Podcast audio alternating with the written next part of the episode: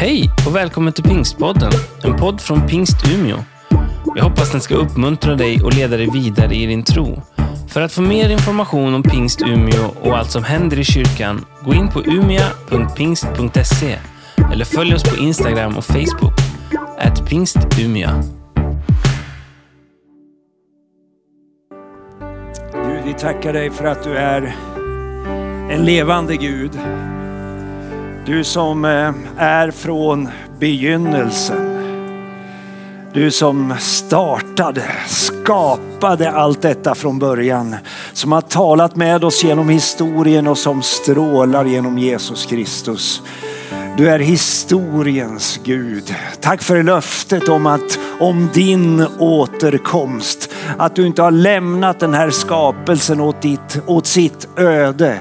Utan att du faktiskt fortfarande bryr dig om oss som enskilda individer och om din skapelse, natur, djur och hela kosmos.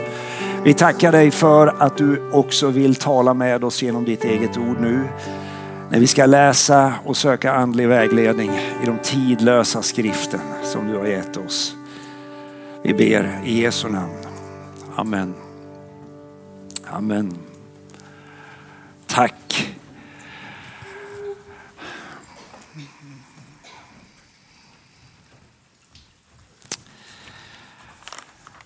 Det är ju eh, något alldeles speciellt det här att få, få vara en kyrka tillsammans. Vi är ju det. Vi tänker när vi läser Bibeln att varje, varje person som tror på Jesus och vill följa honom är som en liten sten i det där andliga husbygget. Det är en av bilderna som finns. Men varje liten person är också en, en medlem i kroppen. Eh, och så är vi, bygger vi tillsammans. Det är ju ett mänskligt material, det märker vi ju. Det behöver man ju bara titta på sig själv och i spegeln och se att det är en människa jag ser. Och mänsklig i bemärkelsen att den är inte fullkomlig. Jag är, jag är Guds barn, men jag är inte Guds fullkomliga barn. Det är, det är inte vad jag ser i spegeln i alla fall. Men, men, men med det där materialet som du och jag utgör så bygger vi ju någonting fantastiskt tillsammans. En gemenskap av troende som tänker att eh, Gud som har skapat oss, han vet, han vill och han kan det bästa för oss. Eh, och det gör det ju väldigt tryggt. Att inte bara behöva lita på varandra. Att någon är där när mitt liv rasar utan eh, vi är ju här tillsammans med Jesus och han han vet alltid hur jag har det. Eh, vi läser tillsammans i församlingen just nu eh, det första brevet till Korint. Och det är ju en av de där stora eh, städerna i det romerska imperiet som hade Medelhavet som den stora, ja, vad ska vi kalla det för, kommunikations enhet. Ungefär som Östersjön var innan det fanns vägar i Sverige och i Finland. Då var ju vägen Östersjön. Och, och att ta sig över Kvarken det var ju något man gjorde eh, som en del av, av livet. Västerbotten hörde ihop med Österbotten. Och vi var ett, ett land tillsammans. Så var Italien liksom en del av Afrika och Nordafrika en del av Sydeuropa. Och Mellanöstern då, Israel och den delen av ja, Syrien, Libanon, Israel och så Egypten. Möjligen också en liten del av arabiska halvön. Det hörde ännu mer då till eh, den del som hette romarriket. Och en av städerna i, i romarriket som eh, var betydelsefull, det var staden Korint. Ligger i sö, södra Grekland. En mångkulturell stad. Där fanns afrikaner, där fanns romare och naturligtvis också greker, den grekiska visheten. Och, och, där fanns också eh, en del av det judiska folket. Det berättas om att det fanns en synagoga där och man förstår liksom att det var som en härdsmälta av ja, men på ett sätt olika and, andliga strömningar. Men det var också en eh, ekonomisk eh, trafik genom den där staden. Öst mötte väst, syd mötte nord. Eh, och man, man handlade mycket med varandra och, och tänkte att det var också ett sätt att skapa utveckling. Och det blev också ett utbyte av ja, men den grekiska filosofin och de, det grekiska sättet att tänka mötte ju det asiatiska sättet och även det afrikanska sättet att tänka. Det är, vi brukar skratta åt varandra. Eli som var framme här och bad, en av våra pastorer. Han brukar säga att i Sverige är ni noga med tiden men ni har ingen tid. I Afrika är vi inte lika noga med tiden men vi har hur mycket tid som helst. Eh, och, och, jag tänker vi behöver lite grann av, av Afrika i Sverige. Det här att människan och, och, och tiden med varandra, att vi kan liksom ge det generöst till varandra. Så om, om någon är sen då har han gett bort en halvtimme ja, ni vet, det blir, en slags, det blir ett annat sätt att, att vara. Och, och, det är klart, ska man bygga kyrka ihop då så blir det ju spännande. Jag vet inte om, om Eli, om du tänker på svenska eller på eh, ja, afrikanska, på burundiska, ska man säga så? Ah, nickar bara sådär artigt. Jag vet inte vad jag ska, hur jag ska tolka det. ja, det är lite spännande med Östafrika också, eh, apropå mission. För eh, eh, stora delar av, av, om man tar Burundi till exempel, en, ett land på 11 miljoner invånare. Där är en och en halv miljon av av 11 miljoner, alltså typ eh, 15 procent, pingstvänner. Och, och de är födda, sprungna ur den skandinaviska pingströrelsen, finska, svenska, norska. Eh, och vi har naturligtvis tre missionsstationer, vi kan ju inte samarbeta. Så en del de tycker finska segertoner är bättre än norska. Och så kommer då Eli som tycker svenska segertoner är bäst. För där ska löftena aldrig svika.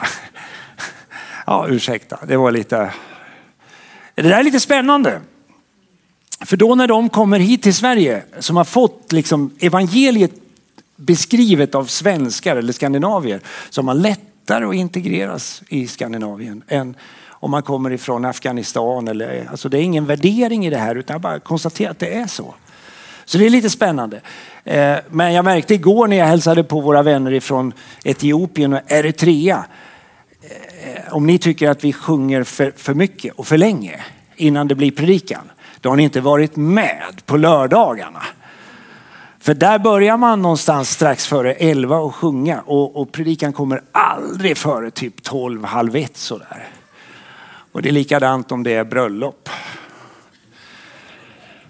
Så att eh, vi, ja, men det är härligt att mötas. Men hur bygger man då en kyrka? När man är så olika. Det var ju frågan som Paulus ställde, ställdes inför. En kyrka där, där, där etniciteten inte är den viktiga.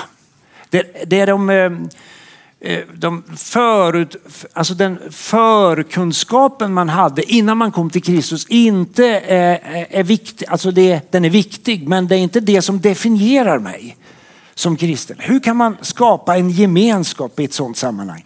Det var, en, det var väldigt utmanande. Eh, det fanns eh, de som kom ifrån prostitution som, som kom till tro. Eh, hur gör man då? Om man har kvar det som sin huvudförsörjning. Då måste ju kyrkan erbjuda en annan försörjning eller visa att det finns ett annat sätt att leva.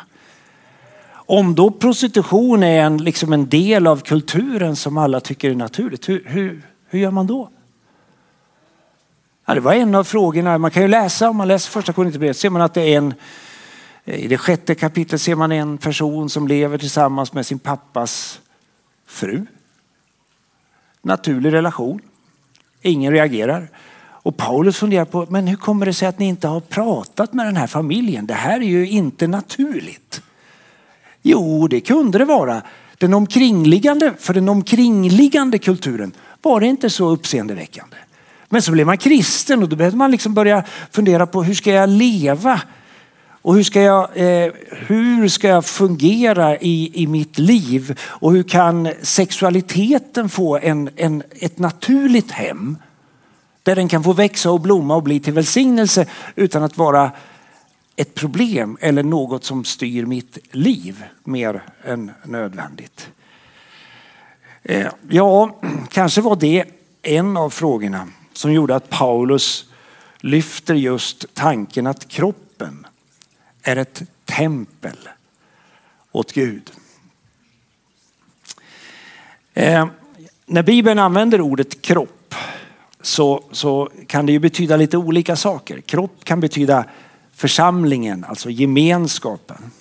Det kan också betyda in, handla om individen, alltså hela människan. Bibeln säger att vi ska frambära våra kroppar, det vill säga hela människan som ett levande heligt offer. Men det kan också handla om människans syndfulla natur. Och då gäller det ju att vara lite vaken här så att man inte tänker att ande är gott och kropp är ont. Utan man måste liksom skilja mellan människans syndfulla natur som påverkar kropp, själ och ande. Det, det är något annat men det har samma ord. Grekiskans sarx, jag kan inte många ord på grekiska men du är ett av dem jag kan. Ordet kött.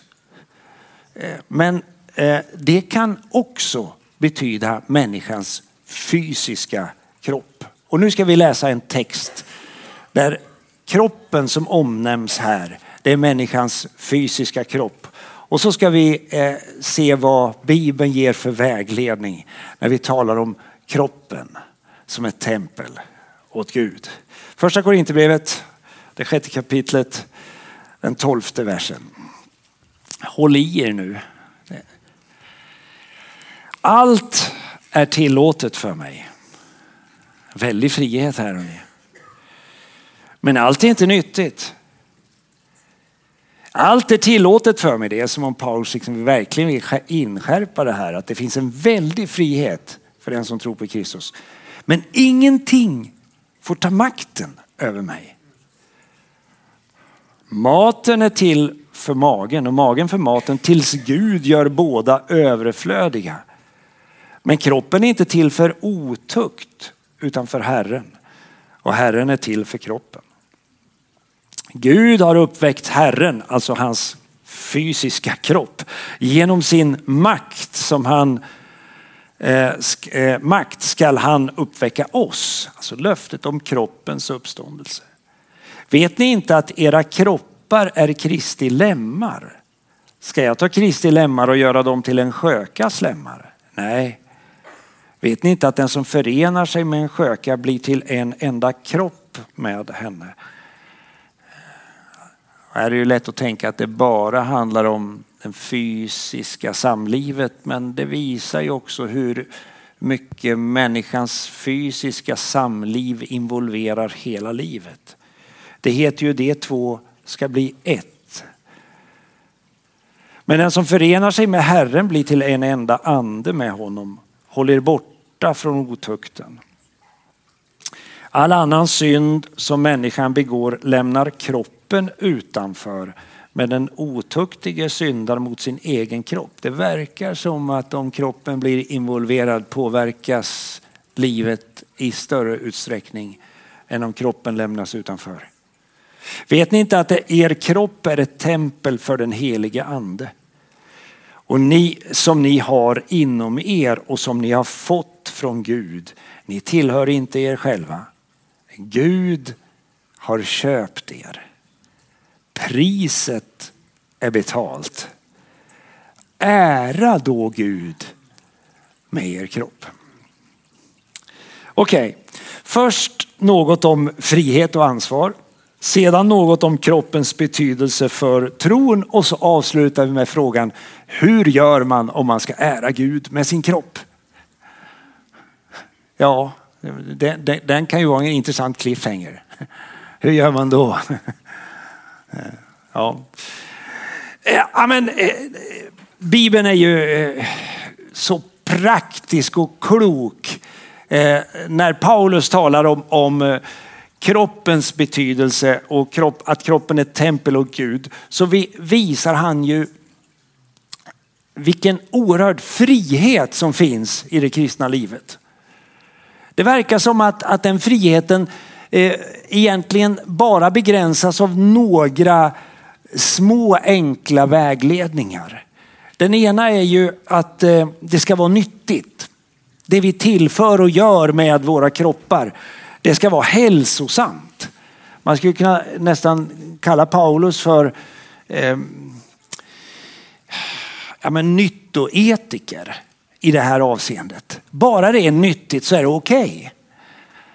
Jaha, och eh, finns det inga andra begränsningar?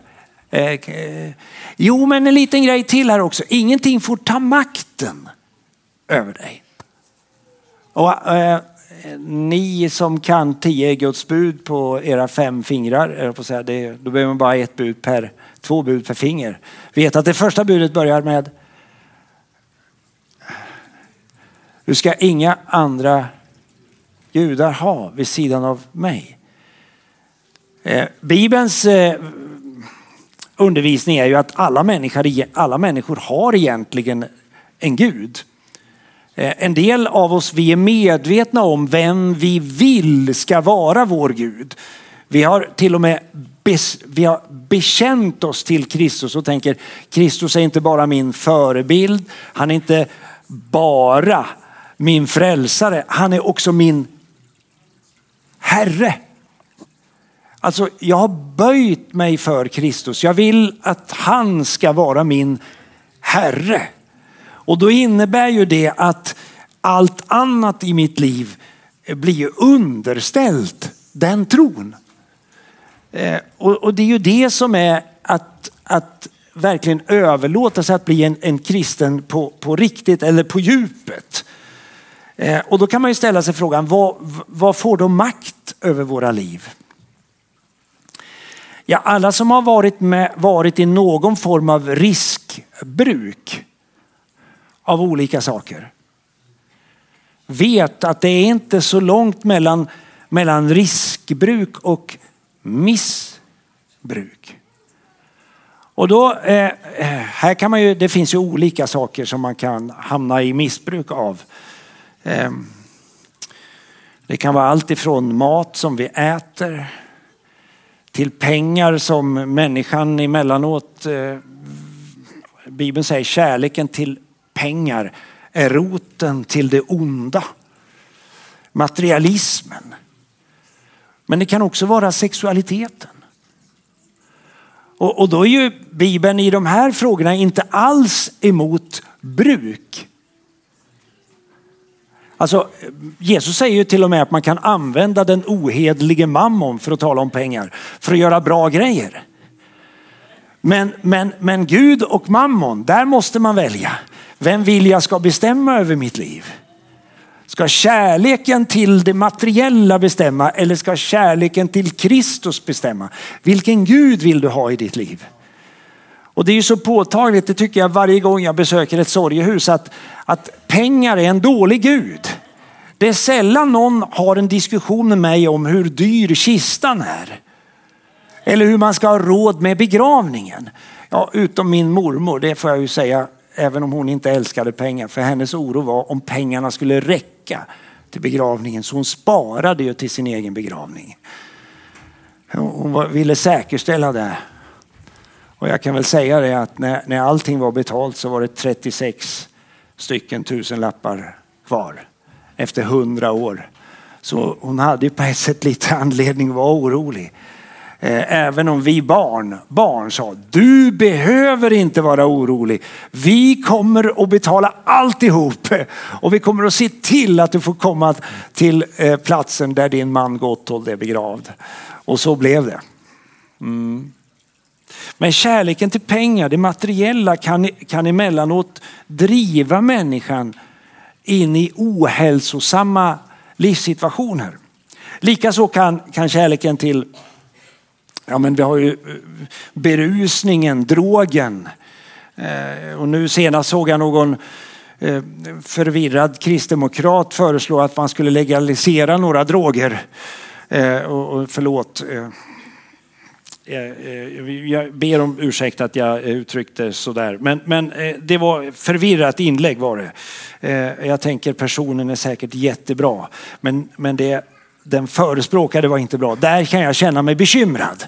Jag tror inte på legalisering av, av, av droger. Där tror jag vi, Eh, ni, ni eller vi som möjligen skulle kunna bruka kan avstå från vårt bruk för den som inte klarar av bruket och hamnar i riskbruk eller missbruk. Eh, och då tar jag i, i lite bredare avseenden och, och, och, vill inte på något sätt göra dig illa som har en annan uppfattning eller som brukar olika eh, eh stimulanser eller bedövande medel av olika slag. Eh, jag kliver ur den där debatten. Här gäller det att vara vaken. Ingenting får ta makten över oss. Och här är våra gränser olika. Kommer man från ett missbruk så kan det vara mycket svårare att, att ha ett, ett hälsosamt bruk. Och då kanske man vill sätta gränsen tidigare. Och då lägger Paulus till en, en liten sak till. Han säger, när det gäller frihet och ansvar, att vi ska ta hänsyn till varandra. Läser man hela brevet och även Paulus brev till, till Rom och lägger samman det han säger så är han väldigt noga med att man ska sätta gränsen för, sätta sin egen gräns på ett eh, av bruk av olika saker som kan fresta oss och, och leda till ett missbruk.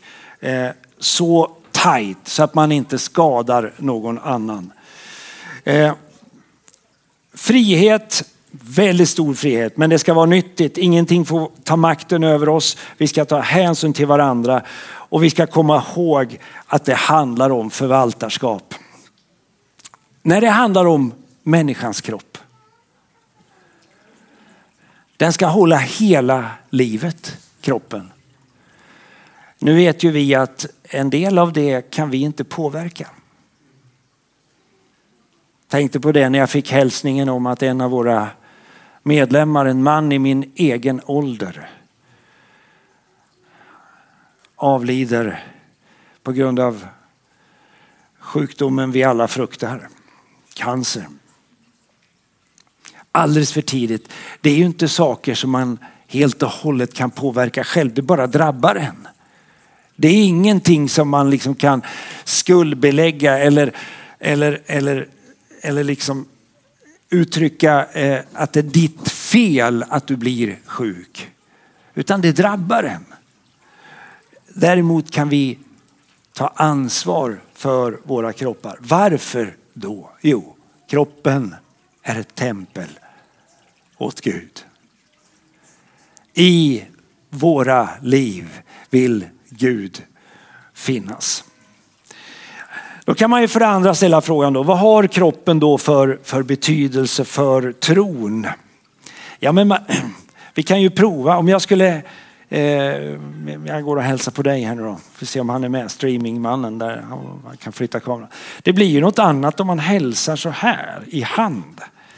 Eh, och skulle man, eh, stackars dig nu, skulle man göra så här, nu vågar jag krama dig. Eh, så blir det ännu mer påtagligt. Alltså en, en, en relation där kroppen involveras. Där man inte bara säger jag tänker på dig utan där man faktiskt besöker varandra. Där man kanske sitter ner och äter tillsammans, hälsar på varandra, gör resan fram till porten. Det är klart att det får mycket större inverkan på relationen. Och, och, och det menar Paulus, så är det också med det kristna livet. Att om kroppen involveras i tron så får tron mycket större inverkan på livet. Eh, och, och det där kan man ju prova. Alltså om ni provar att tänka att ni ska be. Och så kan man tänka en bön. Det är, det är fantastiskt, det kan man göra på bussen. Eh, man kan sitta och be utan att någon ser det. Va? Jag menar, vi ber ju inte för att folk ska se det. Men, men, och nu säger jag inte att du ska göra det här på bussen, men, men prova och böj dina knän om du kan. Alltså involvera kroppen i din bön. Och tänk inte bara, ja men nu är det här en böneposition, utan det här är mitt sätt att fysiskt uttrycka mig. Jag böjer mig inför dig. Du är min Herre. Jag har berättat det någon gång förut tror jag, men eh, när jag själv i min ungdom, jag låg i lumpen, gjorde vapenfri tjänst och skulle vara, gick en fjällledarutbildning. Eh, och eh, fick en kväll ledig och jag brottades väldigt mycket med frågan vad ska jag, vad vill Gud med mitt liv? Då, då tar jag den där kvällen och, och går från, eh,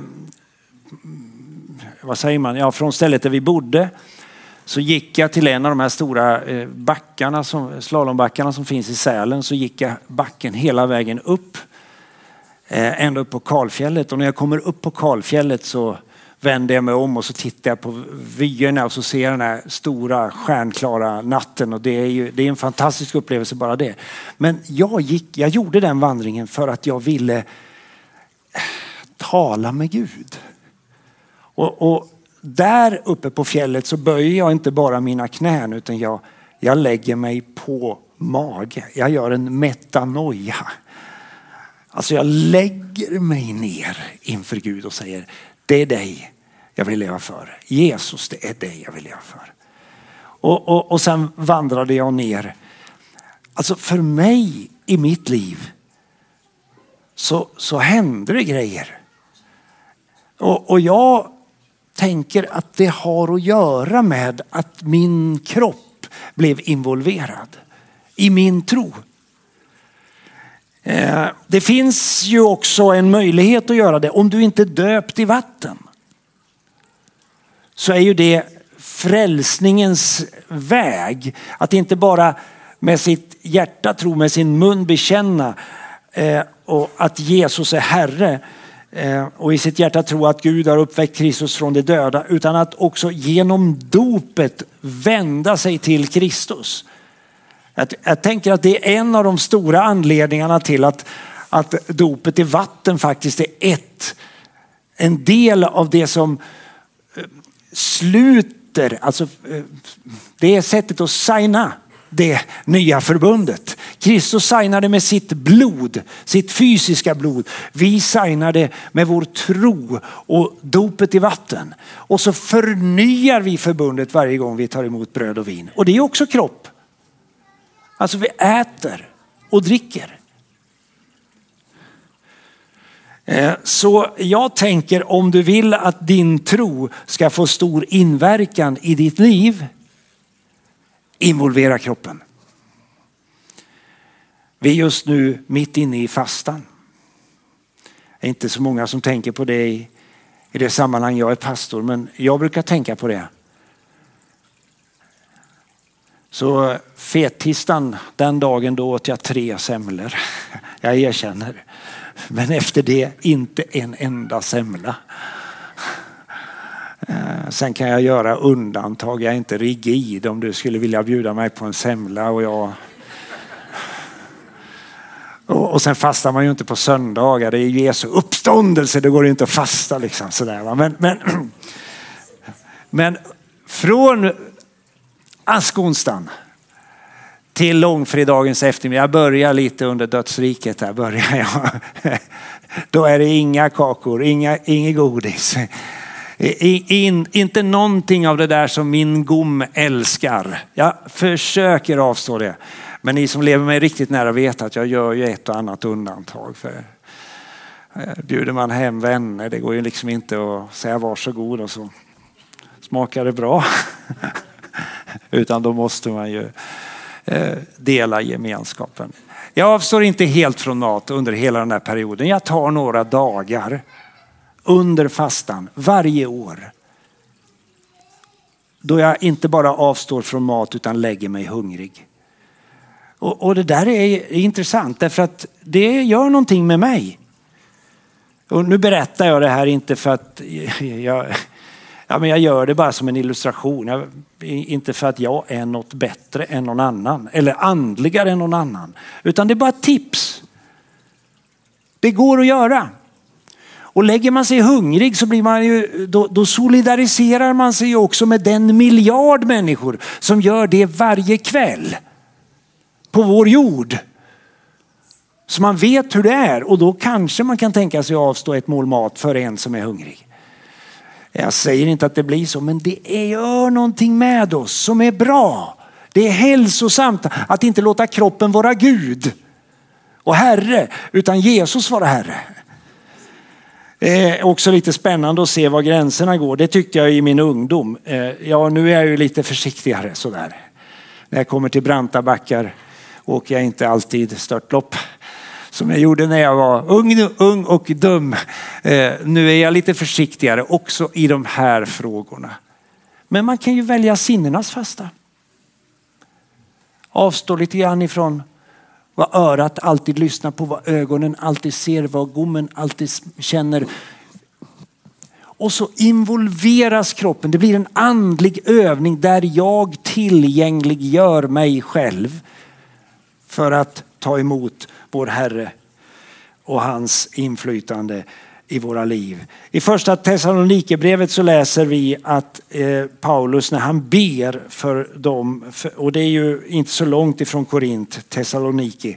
Må han som är fridens Gud helga er helt igenom. Må, må er ande, er själ och er kropp bevaras hela och oskadda så att de är utan fläck när vår Herre Jesus Kristus kommer. Hans, alltså och det här är lite intressant, det är som en samverkan. Va? Det där ska ni göra. Men, men Gud som kallar er, han är trofast, han ska åstadkomma. Det verkar vara en samverkan mellan vad vi gör och vad Gud gör.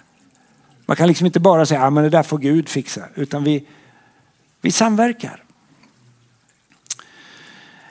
Att kroppen är viktig, det, det, ser vi ju. Alltså vår tro är ju en tro på en Gud som blir kropp, inkarnationen.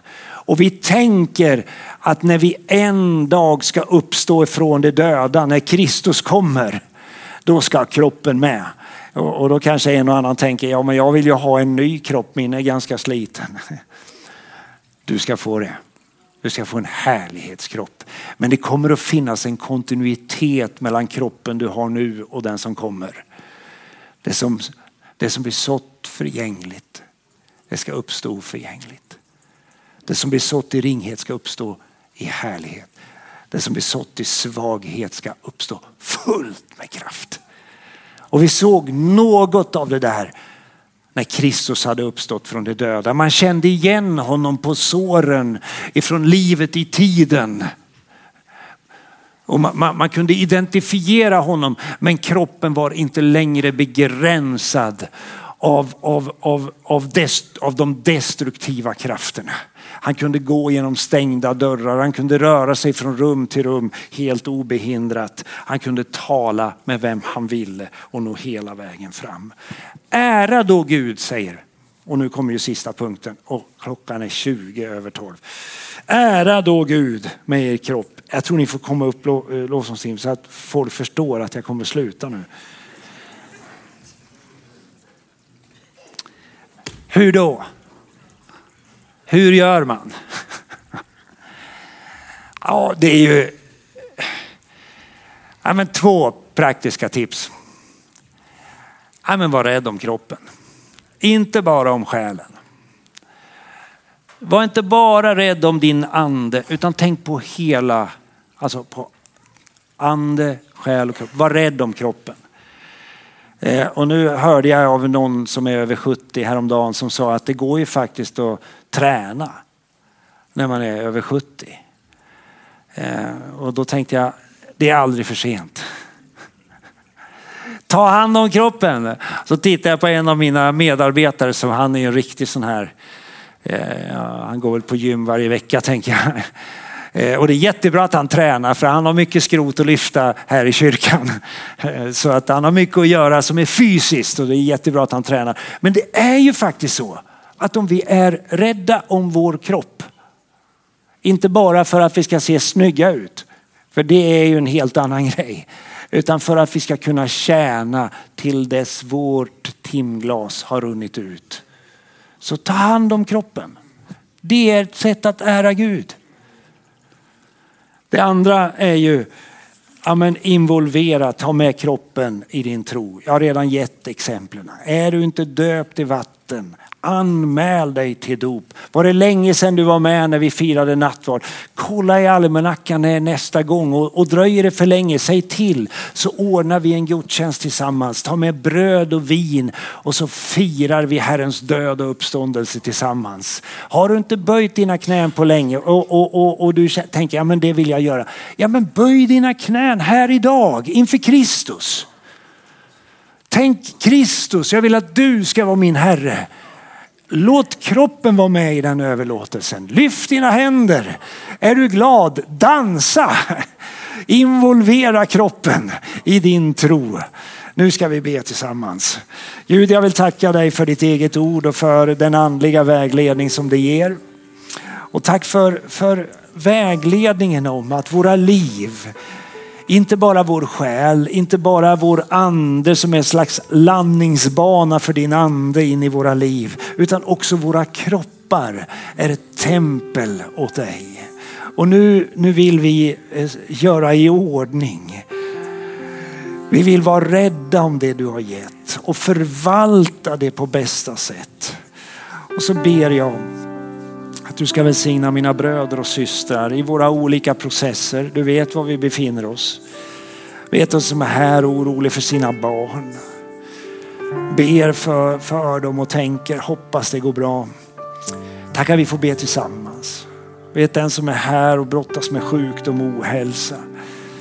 Tack att du genom dina sår finns det läkedom. Vet om den som brottas med att med, med skuld och skam. Tack att du lyfter bort skulden och du befriar oss ifrån skammen och du bekräftar våra, vårt värde. Gud, jag tackar dig för att du verkar. Och nu välkomnar vi dig att verka i vår förbön och gemenskap här. I Jesu namn. Amen.